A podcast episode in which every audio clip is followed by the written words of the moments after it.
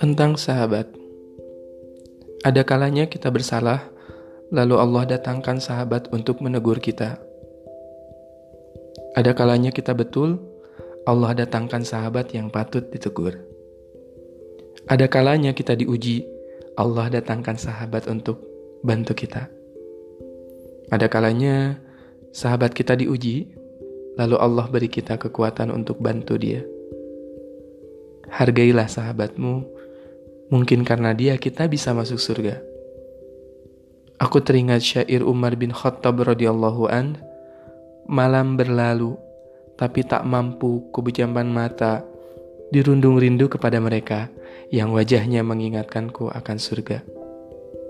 Wahai Fajar, terbitlah segera agar sempat kukatakan kepada mereka, aku mencintai kalian karena Allah.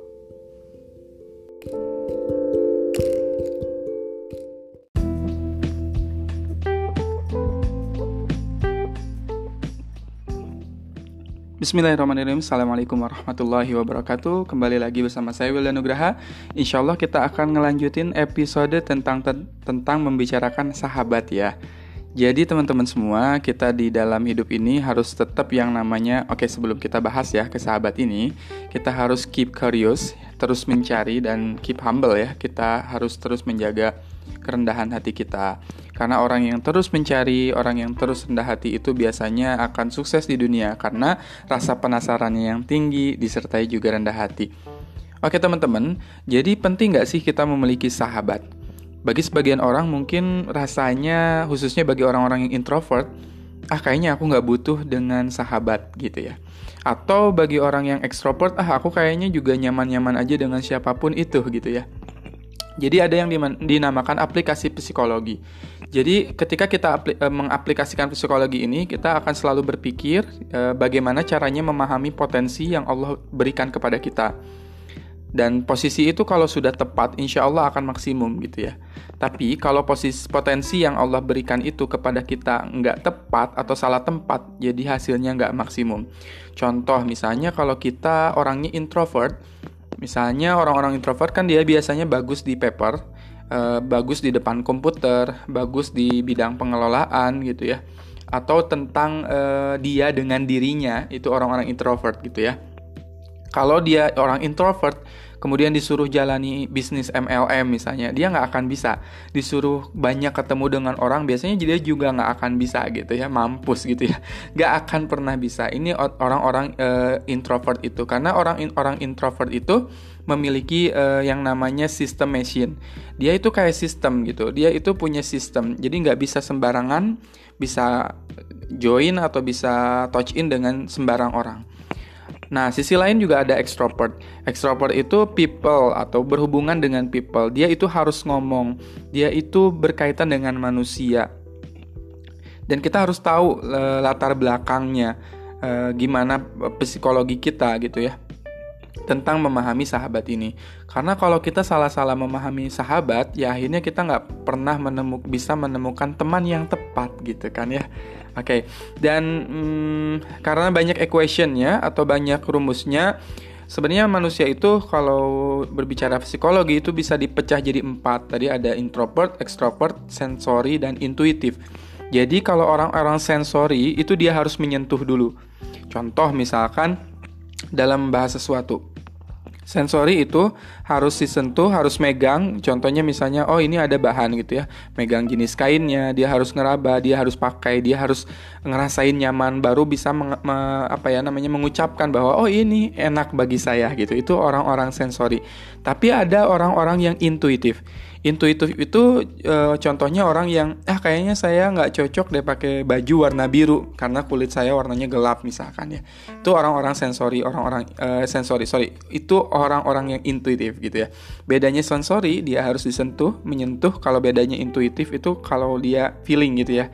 Dia intuisi mainnya contoh-contoh orang yang extrovert contohnya ada Donald Trump gitu ya sebenarnya kita ya suka nggak suka kita ngelihat Donald Trump itu dia orangnya extrovert dan dia tahu bagaimana cara membahagiakan orang lain jadi dia itu bisa kadang-kadang annoying gitu ya, kadang-kadang menjengkelkan, mengganggu buat orang lain, tapi dia kadang-kadang jago banget untuk membahagiakan orang lain.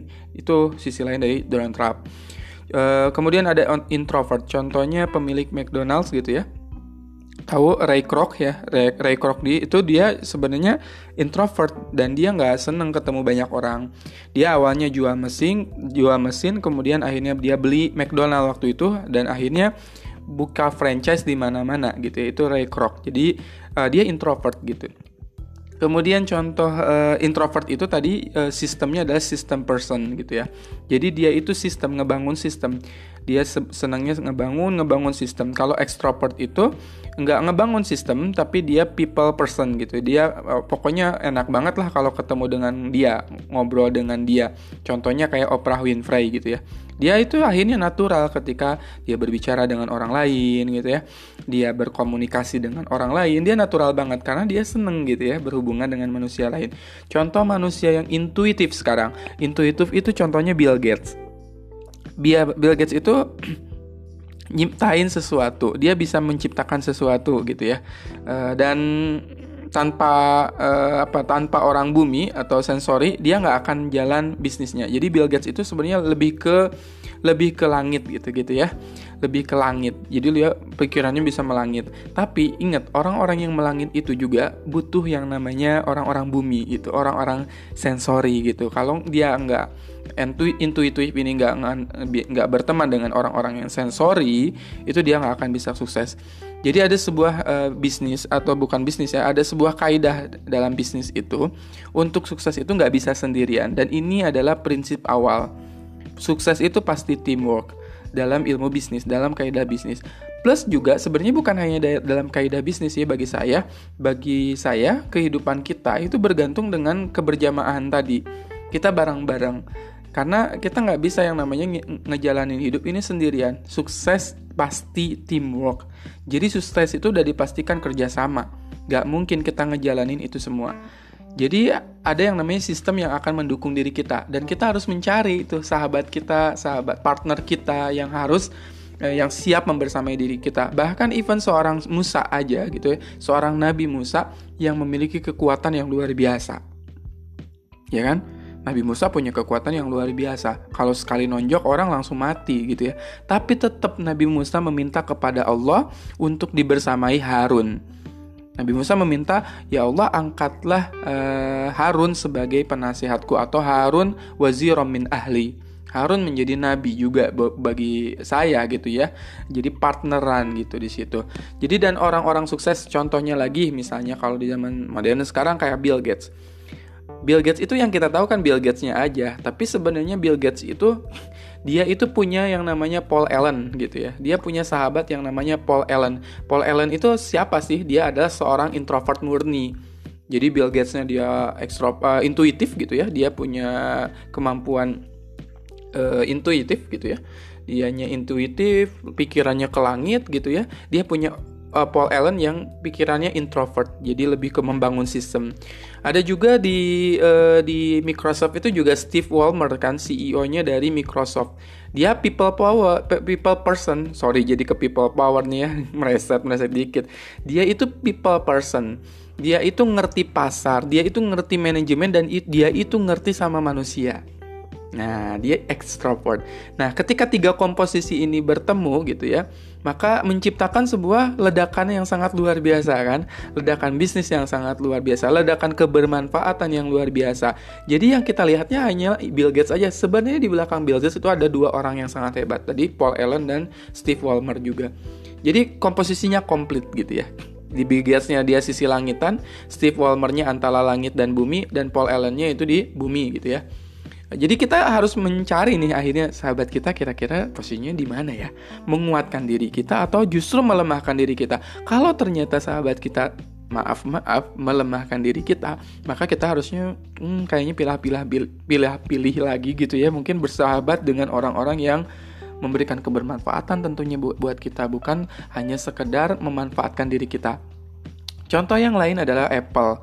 Apple itu dia ada Steve Jobs kan ya yang kita uh, tahu ya. Steve Jobs itu uh, dia eh, orang-orang uh, yang apa namanya memiliki tadi intuitif juga. Dia sangat tinggi gitu ya. Dia jauh ke depan gitu ya.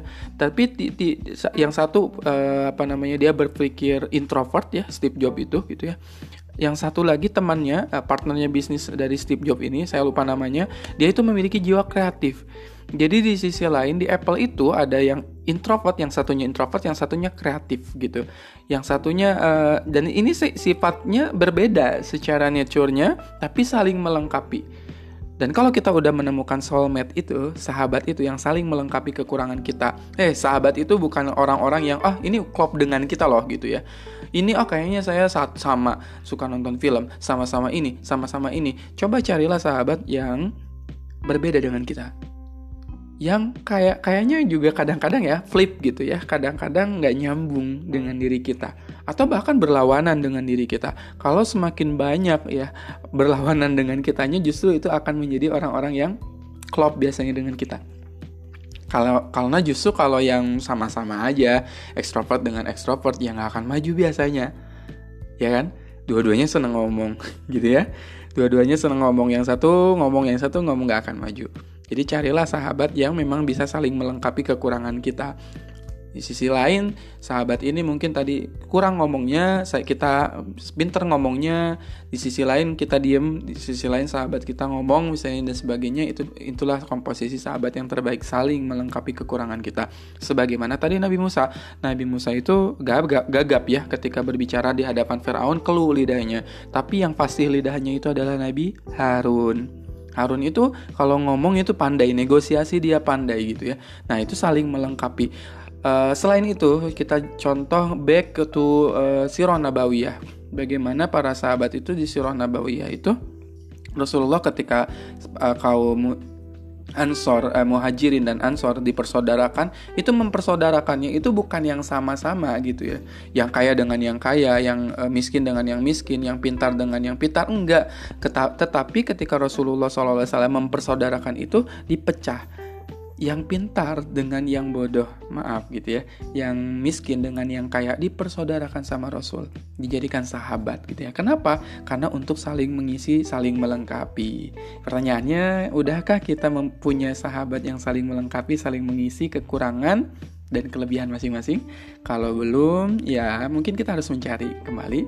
Kalau belum, ya kita harus berusaha terus terus mencari untuk mendapatkan komposisi sahabat yang terbaik. Oke, terima kasih buat teman-teman yang sudah menyimak podcast kali ini. Moga mudah-mudahan ya, moga-moga bermanfaat buat teman-teman semua dan pastikan dapetin sahabat yang terbaik. Semoga bermanfaat. Wassalamualaikum warahmatullahi wabarakatuh.